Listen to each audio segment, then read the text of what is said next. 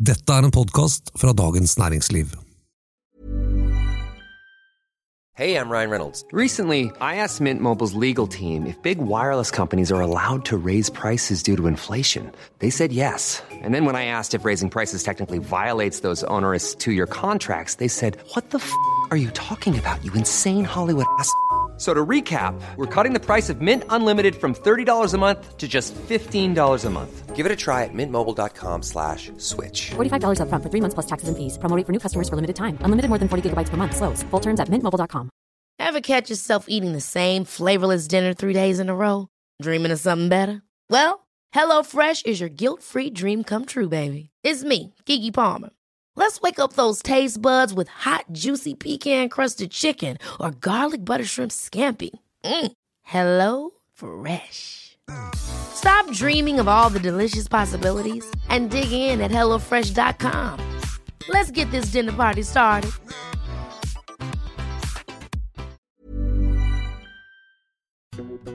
Endelig kan regjeringen notere seg en fjær i hatten. Et kutt verdt 6 milliarder kroner. Men til tross for høyrøstet sparekniv gjorde renten et dobbelt hopp torsdag. Skal det noen gang begynne å gå veien for Vedum? Dette er den politiske situasjonen. En podkast fra Dagens Næringsliv med kommentator Eva Grinde og meg, politisk redaktør Fridtjof Jacobsen.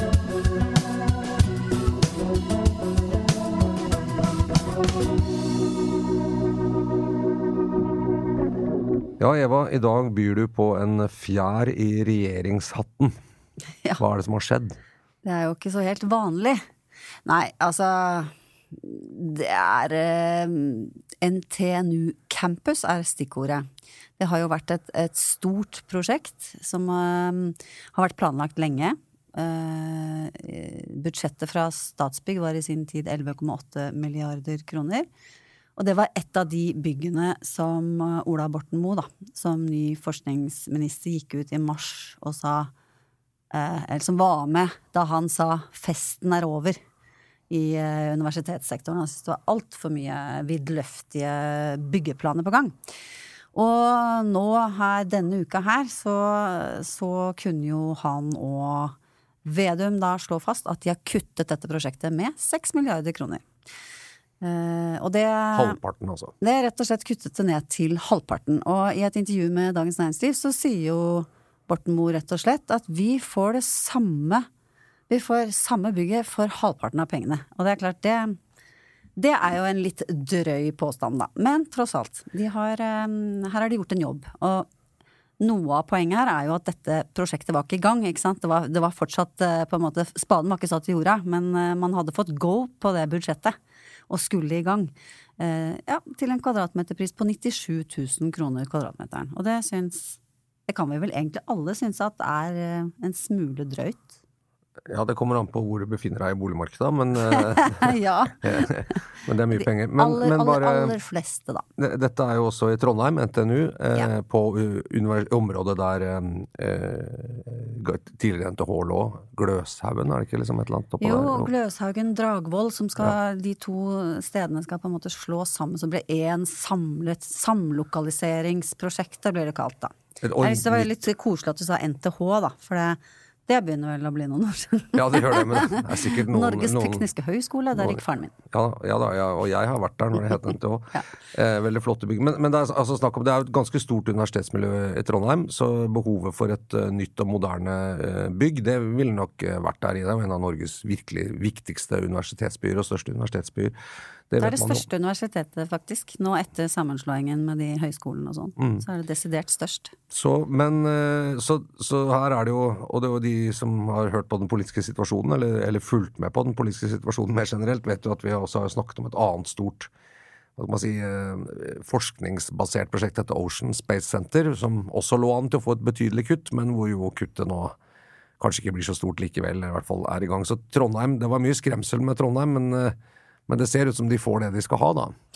Eh, ja, altså syns jeg Av trønderministeren Ola Borten Moe. Ja, ikke sant. Um, der, der gikk jo Vedum så langt som til å si at dette er en stor seier for Trondheim. Å kutte det prosjektet med seks milliarder. Akkurat der eh, greier jeg ikke helt å følge han, da.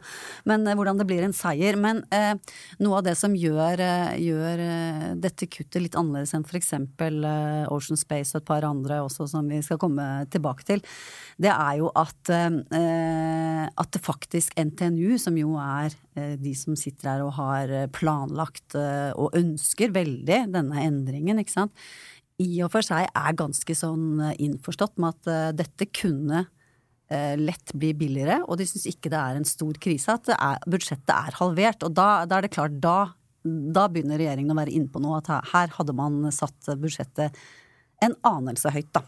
Hva er det de tar ut da, som gjør at det blir så mye billigere? Eller angivelig, da. Vi får se hva det ender på til slutt, det må vi jo si. Men Ja, jeg har ikke sett, jeg har ikke rukket å se på detaljene. Det er noen eh, Altså, det som skjedde, var jo at eh, Um, det var jo Statsbygg som hadde dette opprinnelige budsjettet, og fikk det godkjent da, på 11,8 milliarder. Og da, da Borten Moe begynte å rasle med sparekniven, så, så satte jo NTNU seg sammen med Statsbygg og greide å kutte i dette prosjektet ned til 10 milliarder uten å egentlig ta noe eh, substansielt, annet enn å liksom eh, ostehøvel-type ting. Noe billigere materialer, ikke sant, osv. Eh, men så, i mai, da, så leverte de inn tre-fire forskjellige scenarioer på hvordan man kunne kutte. Og da innebærer det blant annet at musikkbygg og kunstbygg og sånn ikke blir flyttet som opprinnelig planlagt, men ikke så mye mer enn det. Og ifølge Borten Moe så, så får de akkurat det samme for pengene, og det tror jeg kanskje ikke NTNU er enig i. Men jeg tror at de syns at det er helt til å leve med. Ja, men da, da må jeg si at egentlig da, da faktisk, Hvis vi skal til fjær i hatten øh, det, blir jo vi da som må sette den fjæren der, eh, siden vi, sier det. det. Ja, det må jo bli det, da. Eh, men det kan jo i og for seg gjøre, for jeg syns at det eh, initiativet til å til å ha strammere budsjetter, mer realistiske budsjetter og en litt mer sånn nøysom eh, byggeskikk eh, på en del prosjekter, i hvert fall, eh, i, i offentlig sektor, altså type statsbyggprosjekter. Å stramme inn det, det, det, er jo egentlig et ganske godt sånn politisk initiativ. Og det er jo interessant altså, Vi sier at det er seg sånn det er en god ting for en statsråd å bruke eh, sin politiske kapital på akkurat det der. Men det, det hadde vært veldig enkelt for statsråder å bare tenke jo mer penger jeg kan bygge for i min teig, jo bedre er jeg. Sånn som man f.eks. gjør i kultur eller andre steder. Så jo mer, mer budsjett jeg får, jo bedre minister er jeg. Men det, men det, Borten Moe har en annen innstilling der som jeg syns er ganske sunn, da. Altså, Ja, han mener vel at det er akkurat det som har vært liksom greia også innenfor universitetssektoren. Da. Forrige, de er i hvert fall veldig liksom, annenhver setning om hvordan de må rydde opp etter denne, denne veldig ødslete um, høyreregjeringen. Så ja. Men hvorfor øh, ble ikke dette arbeidet gjort før nå, da? Hvis det var så enkelt å få et bygg til halve prisen? Ja, det er, det er jo et veldig godt spørsmål, altså. Um, Jeg, har, jo- jeg skrev jo om eh, denne saken her, eller jeg skrev om Statsbygg sin rolle opp i, i disse byggeprosjektene. Um, og, og snakket med en del folk, og det, det som jeg har um, ja, Det som i hvert fall oppfatningen er f.eks.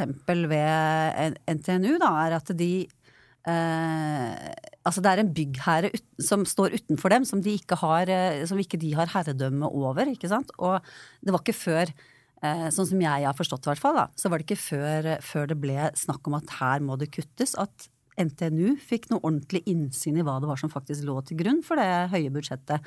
Og de har flere, også, så vidt jeg skjønner, oppfattet det som, som egentlig for høyt. Sånn at ja, jeg, anbefaler jo, jeg vil jo tro at eh, det kunne være nyttig å ta kikke litt på, på Statsbygg også. Altså hva er det som De er jo monopolister, rett og slett. Og det er bare en sånn ting. Det er jo, har jo aldri vært en innertier for priser og, og den slags det. Så, sånn at eh, når når da, for, for, å holde oss til dette eksempelet, da, NTNU skulle gjøre dette svære, svære prosjektet, så kunne ikke de gå ut i markedet og be om noe konkurrerende tilbud på det, ikke sant? Nei. Eh, og det, sånne typer monopoler har jo en lei tendens til å ikke nødvendigvis levere det aller beste ja, på lang sikt. Nei, det er, det er jo en eh, sånn Litt sånn eh, Må du liksom dypt inn i materien her, men, men eh, det derre samspillet mellom eh, hva man skal si, en type institusjon som Statsbygg, som er statens byggherre, på en måte, og som jo er opprettet nettopp for å ha bedre kontroll med byggepresseprosesser, både på kvalitet og kostnader og, og sånn. Eh, og, og samspillet da med eh, forvaltning og regjering og politikk osv. Eh, er jo kan jo fort bli, som du antyder her, at Statsbygg blir en så mektig aktør at de kan liksom alene levere premissene for hva det koster å bygge et universitetsbygg. Fordi at The Statsbygg Way er sånn, og da koster det det er fair, det. Da koster det 12 milliarder å bygge det bygget. Hvis du skal bygge det på den måten de gjør det. Men Det er ikke er- noe tvil om at inntrykket er litt sånn blant en del av, av universitetsaktørene. Så må man jo bare legge til med en gang at de også ønsker selvfølgelig maks selvråderett. Ikke sant? De, Ja. ønsker, de ønsker å kunne styre dette selv, ta opp lån, bestemme, planlegge. Eh, ha ansvaret litt på samme måte som sykehusene f.eks. har, da. Men hvis, hvis vi har et statsbygg som, eh, som eh, At de er en, ikke hele, men en del av eh, problem, eh, problem her, nemlig med at for det første at budsjettene blir eh, De går liksom i faser. Det blir voldsomme liksom, påslag på budsjetter som, som ikke bare kan forklares med at arbeidskraft og materiale blir dyrere. Eh, men som selvfølgelig er politisk krevende, eller at man rett og slett bygger for dyrt, og til og med kanskje noen ganger uten at byggenes kvalitet liksom skulle si at her er det, er det liksom et så flott bygg at det, at det blir dyrere. Men det, det er interessant hvis Statsbygg utvikler seg dit, for jeg tror ikke det var meningen. Og en av stolthetene til Statsbygg en stund når de fikk litt trening, var å si vi leverer byggene på budsjett og på tid. Det er det, det, er det vi gjør. ikke sant? Og vi sikrer på en måte politiske myndigheter mot at byggeprosjekter tar helt av og går av skaftet.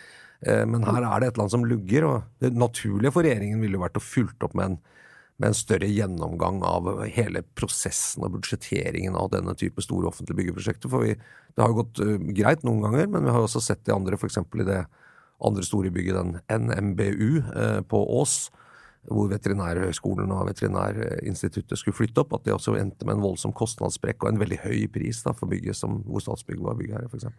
Ja, og der får jo Statsbygg i en konsulentrapport eh, veldig krass kritikk for sin rolle for sin manglende styring, eh, rett og slett, i prosjektet. Så det er et sånn konkret eksempel på, på, på Statsbygg sin eh, kritikk. Altså noe kritikkverdige rolle, da. Selvfølgelig ikke hele, hele problemet, men, men det sies også eh, fra typ Universitetet i Oslo-aktører at Vikingtidsmuseet, den siste milliarden som kom på, eh, kan heller ikke forklares av, eh, altså i sin helhet av økte utgifter, men, men på, eh, kom på fordi det første opprinnelige budsjettet var for lavt, og så så kom liksom Statsbygg tilbake til saken, og da var det en milliard høyere. Ja. Det er en tolkning, selvfølgelig. Men ja, det er jo også et av de prosjektene der Ola Borten Moe har vært ute og svingt med øksa. Ja, men, men rygget litt nå, har Ja. jeg skjønt. Så, så det er ikke det kuttet som satte hele den ombyggingen i fare, har visst også reversert seg. Det er ikke sånn Han gjør jo det, ikke sant. I de der som ikke de som allerede er påbegynt, så lager han sjokkeffekt, og så skjønner han oi sann, det var ikke så lett, for her er det veldig mye som er påbegynt. Ikke sant? Samme med Ocean Space. Mm. Det var ikke bare å kutte ut avtalene, ikke sant. Nei. Og her med, med Vikingtidsmuseet også. Da var det, da var det verre å være så eh, rå, da. mm. Som man er i dette NTNU-prosjektet, hvor, det, hvor, det hvor man da ikke har satt i gang ennå. Det er jo en fare her da, for, for at budsjettene gjør at man setter i gang så mange prosjekter nettopp pga. at den politiske dynamikken er sånn at hvis man bygger der, så skal man bygge der, osv. Og, så videre, og så Ja. jukser man litt med budsjettene for å få det på.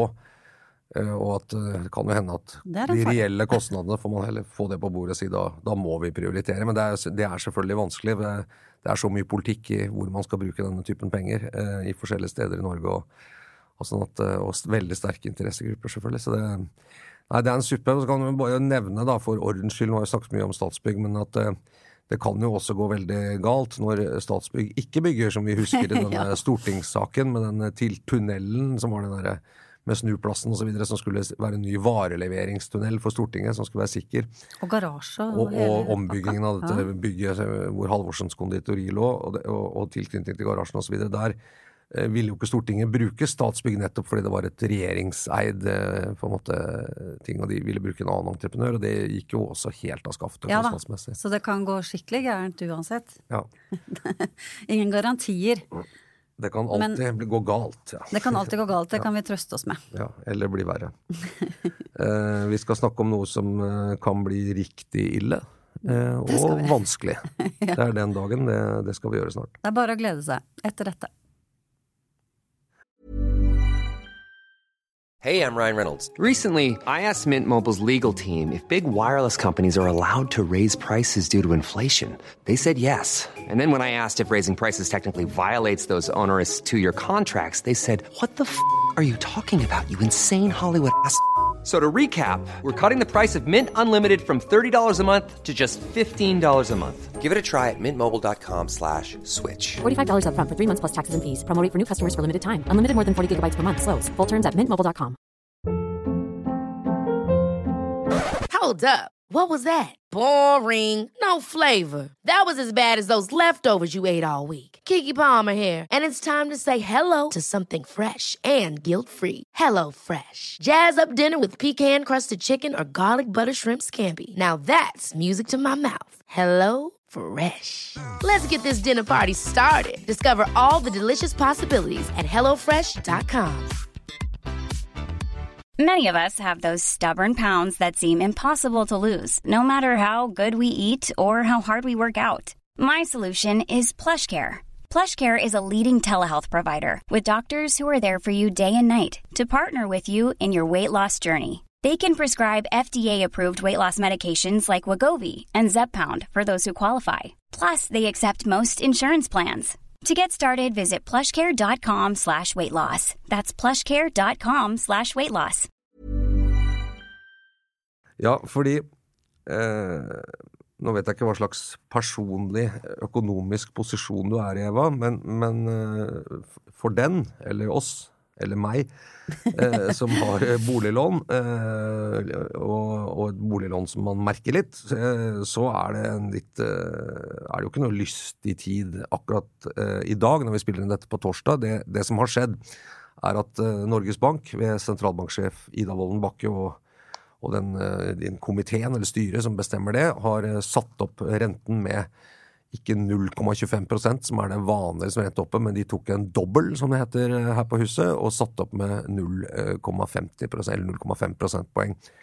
Og samtidig så varslet de at denne rentebanen, som det heter, som også er en slags fremskrivning av hvordan de ser for seg å sette opp renten fremover, eh, kommer til å bli brattere, slik at eh, renten om et år er, sa de nå i dag, kommer til å være høyere, opp på 3 eh, og det er høyere enn det de så for seg at den skulle være sist gang de kom med en sånn rentebane. Så de, de tok et rentejafs som eh, noen snart får beskjed om fra banken, at lånet er blitt dyrere, og sa at verre skal det bli. Og det skal bli eh, litt verre rentemessig enn det vi trodde forrige gang vi meddelte oss om dette. Og dette er altså etter revidert budsjett og, og det hele. Ja. En dobbel kvarting, rett og slett. Dobbel kvarting, ja. ja. Altså, det er så mye, Sånn er det blitt. Ja. Men det, eh, og, og de, Punkter de, heter vel det i dette greia. Ja, det heter det også. Ja, 25 eh, Ja. Mm. Eh, eh, de aller fleste økonomer eh, var jo litt overrasket. De, de regnet med bare 0,25 da, prosentpoeng. Mm. Eh, men Så ja, nei, jeg, jeg må jo si at jeg kjenner meg igjen i den situasjonen du ymtet frampå om her helt i begynnelsen. Jeg, jeg vil merke det, jeg også. Eh, hva var det regnestykket? Eh, Sånn typ 4000 kroner mer i måneden hvis man har lån på 4 millioner, eh, har jeg sett anslått. Eh, det kan jo rive, det.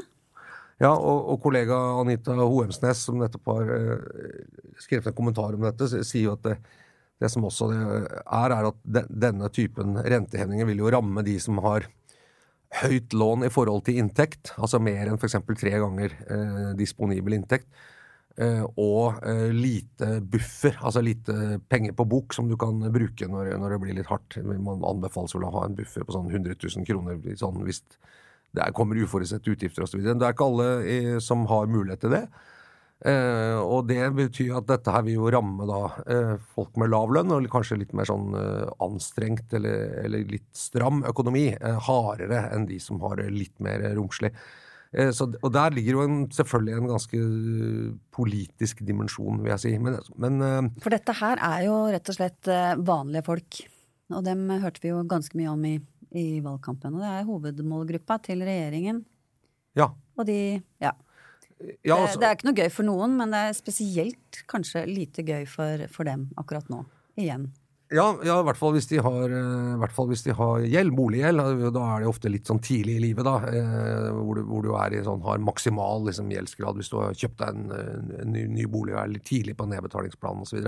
Men det Ja, nå tenkte jeg på, egentlig på regjeringen, men eh, jeg er enig. Ja, ja, ja, ja, mm. altså, Politisk eh, kjedelig for dem, økonomisk og reelt kjedelig for folk som har litt stram økonomi. Ikke sant? Mm. Eh, og, og så kan man ha stram økonomi uten å ha gjeld også, men du, du må liksom ha gjeld her da for at det skal bli Det er sant. Men, men, men det til side så leste jeg den beslutningen som Norges Bank De skriver jo om hvorfor de er kommet fram til det de er kommet fram til. Det, det vil jeg anbefale å lese på Norges Bank sine sider. De, de formulerer seg egentlig ganske sånn tydelig og, og pedagogisk.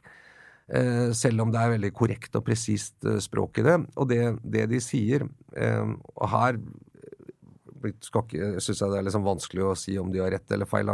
Jeg, ikke, jeg er ikke samfunnsøkonom. og, og Dessuten er de helt uenige med hverandre, så det er helt greit. ja, men, eh, men de sier at det grunnen til at de må sette opp renten litt fort, er for det første hvis ikke vi gjør noe litt drastisk nå, så måtte vi kanskje ta enda eh, dramatiske kutt seinere. Så liksom eh, medisinen er, kan bli verre hvis ikke vi gjør noe litt fort.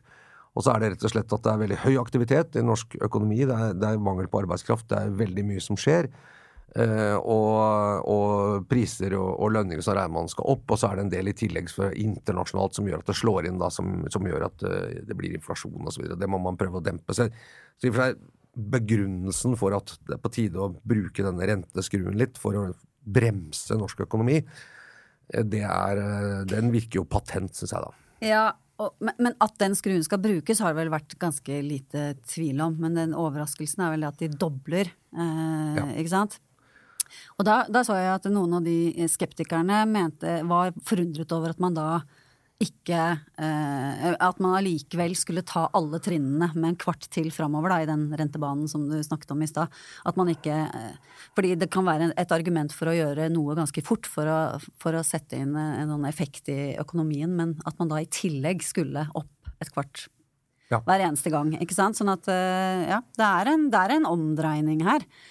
Eh, så altså mot, Motargumentet er jo at man er redd for at det setter for mange bremser på i norsk økonomi. ikke sant? At det bremser boligutbygging, for eksempel. Og at det ikke er det vi trenger. Jeg hørte en, han Ludvigsen, en av disse sjeføkonomene, husker ikke hvilken bank han er. Ja. Men uh, han var i hvert fall sånn at vi er ikke akkurat i noe jappetid. Folk er, altså, vi, er, vi har ikke de enorme sånn, eh, forbruksproblemene som vi hadde en gang på 80-tallet, liksom. eh, Og mente at, at dette er overdrevet, da. Ja, og LO har jo vært inne på noe av det samme. Så skal det sies at eh, det Norges Bank sier, er jo at eh, dette er det vi ser for oss. Det er klart, vi, underforstått, Hvis du er, folk er veldig flinke og farten går litt ned, og, og det blir litt mer normale tilstander og litt mindre temperatur, så er det ikke sikkert at vi er nødt til å følge denne veldig måte, det, det, relativt dramatiske rentebanen. Da kan vi få en annen og litt mer human eller soft rentebane. Så, så, så det ligger jo det er jo sånn interessant i sånn sentralbankkommunikasjon er jo hva de gjør, og hvordan de begrunner det, men også hva de sier om fremtiden. For i det så ligger det jo en slags underliggende oppfordring til at uh, dette er vår trussel. Hvis dere tar dere sammen, så kan dere slippe dette her. ikke sant? Eh, ja. Nå fikk jeg veldig flashback til sånn Corona Times.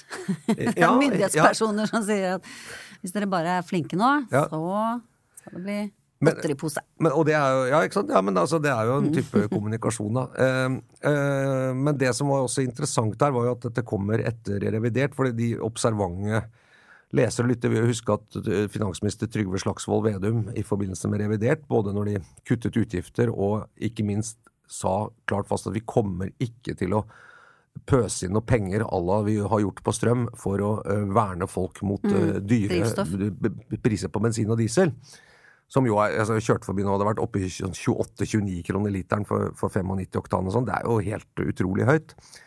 Og, og da eh, Og så sa han og grunnen til at vi gjør det, er at da vil renten gå opp, ikke sant?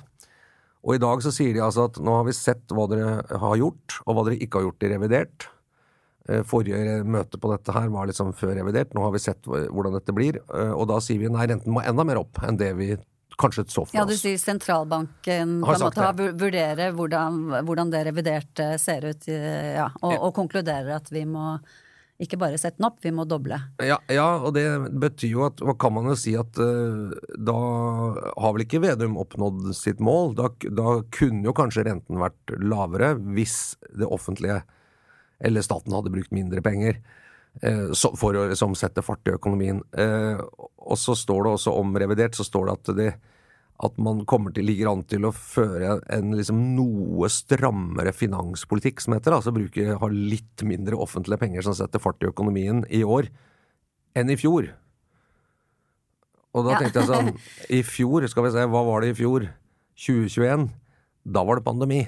Og da brukte man, og, det, og akkurat den formuleringen, ikke strammere, men noe strammere, det lille gradsadverbet der, eh, det syns jeg var interessant. Det er Men de liksom tallene noe- foreligger vel, man kan jo bare se på fjorårets og sammenligne. I pengebruk, ja. Ja.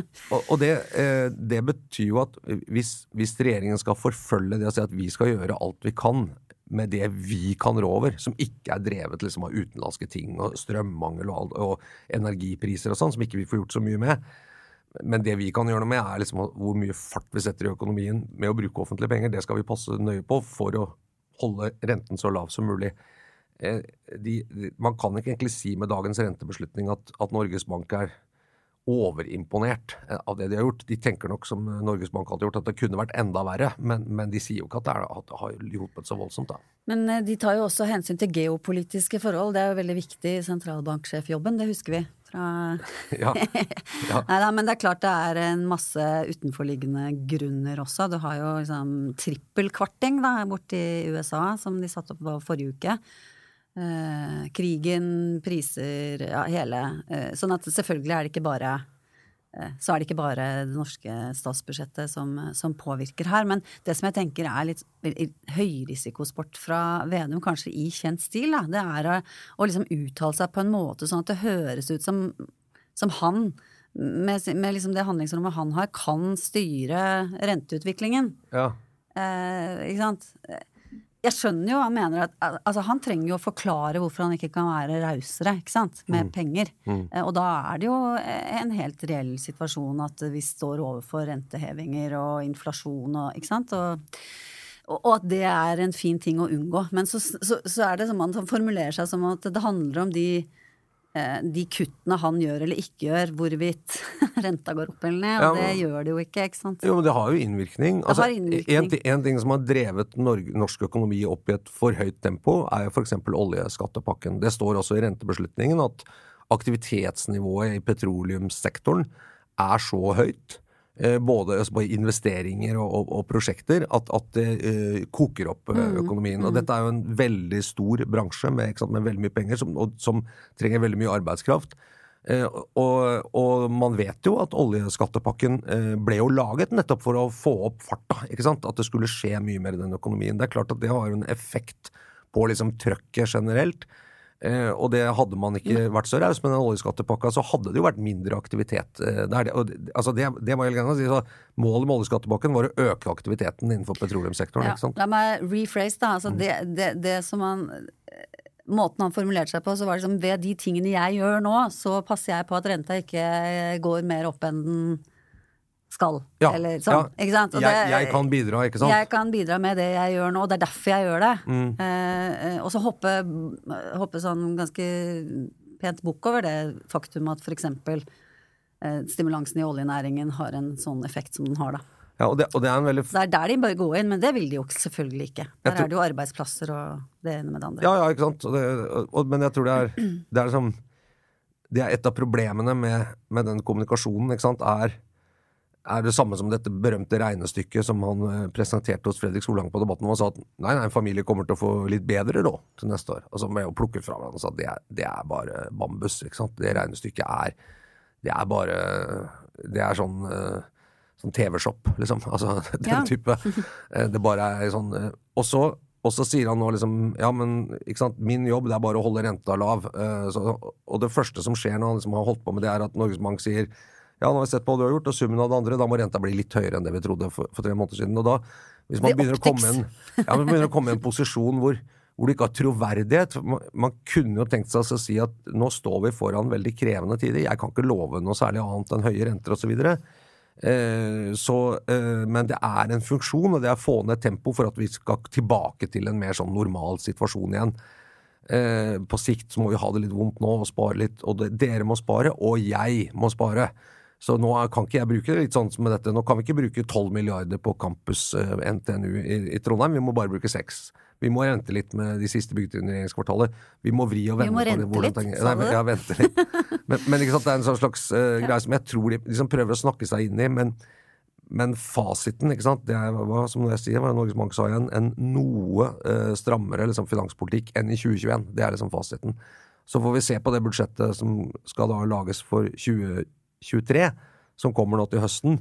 Men, hvis vi er i denne situasjonen over sommeren, så bør jo det være et veldig knepent budsjett. Og det, og det kan hjelpe på rentesettingen, men det, jeg føler at det er det regjeringen må bli målt på nå, da. Ja, de kommer i hvert fall til å bli målt på det, sånn i, i, den forstand at uh, trang økonomi i de tusen hjem uh, har en negativ effekt på en sittende regjering til enhver tid. Det er i hvert fall veldig ganske typisk. Eh, og det er vel ganske tydelig at dette, ok, om det var en fjær i hatten Vi skal prøve å konkludere litt, da. Eh, så, med disse seks milliardene, så Ja. ja. Det var ikke akkurat nok. Det var ikke nok for Ida Wolden Bakke.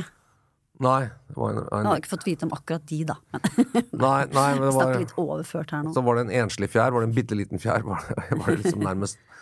Eh, Ja. Eller ja, det var mye, mye rare metaforer man kan lage her, men, eh, men la oss si det, var ikke, det er ikke en veldig imponerende hatt, da. Det kan jeg vel si. Sånn, litt sånn fjomsete, litt fjompete hatt eh, de har på seg. Jeg, jeg tror eh, jeg tror, Og dessverre, vil jeg si, for at eh, det er liksom politiske problemer som er åpenbart politiske, type Kristiansand og den type ting, som selvfølgelig er spennende.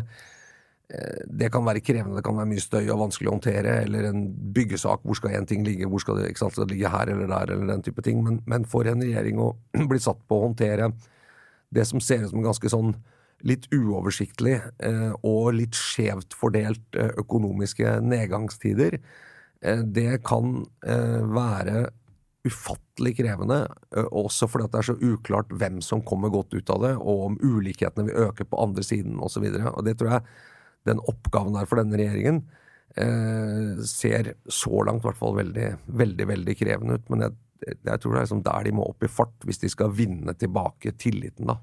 Eh, Og, og det er ikke å liksom late som om problemene ikke kommer, men det er å være en regjering som, som vi stoler på, liksom skjønner hva som skjer, så godt de kan, og prøver å, å, å si ok, dette blir kanskje uh, dette blir dritt, men, men det kunne vært verre. Og du må liksom stole på at vi kan håndtere det på en bra måte. Sånn som Jens Stoltenberg og Kristin Halvorsen gjorde under finanskrisen i 2008 og 2009. Ikke sant? Ja, ikke si at økonomien blir bedre til neste år.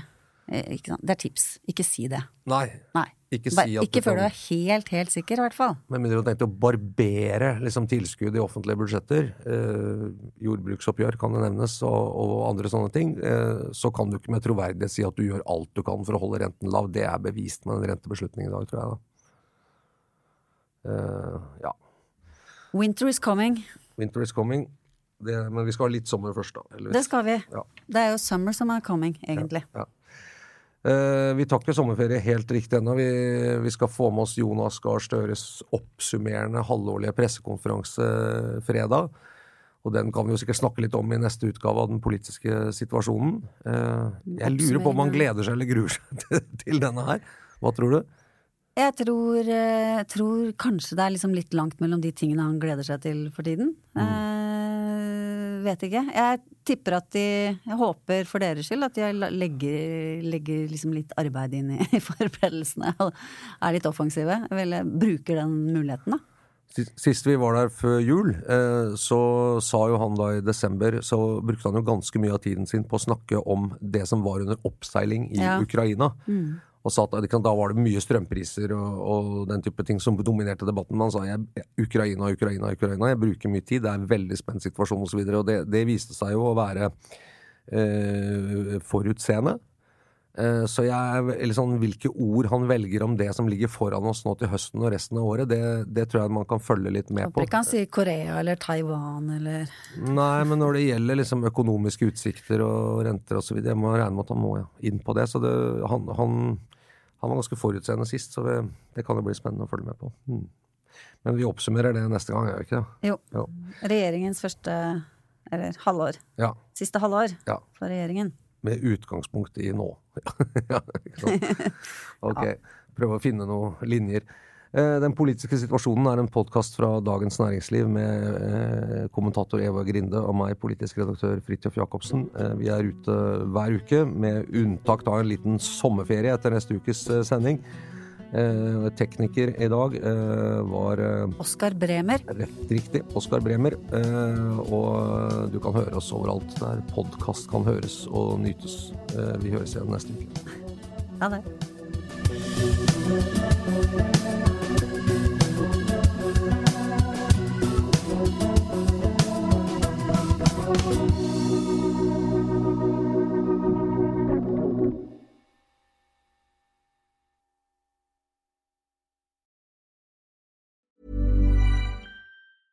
Ever catch yourself eating the same flavorless dinner three days in a row?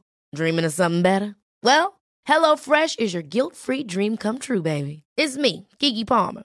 Let's wake up those taste buds with hot, juicy pecan crusted chicken or garlic butter shrimp scampi. Mm. Hello Fresh. Stop dreaming of all the delicious possibilities and dig in at HelloFresh.com. Let's get this dinner party started.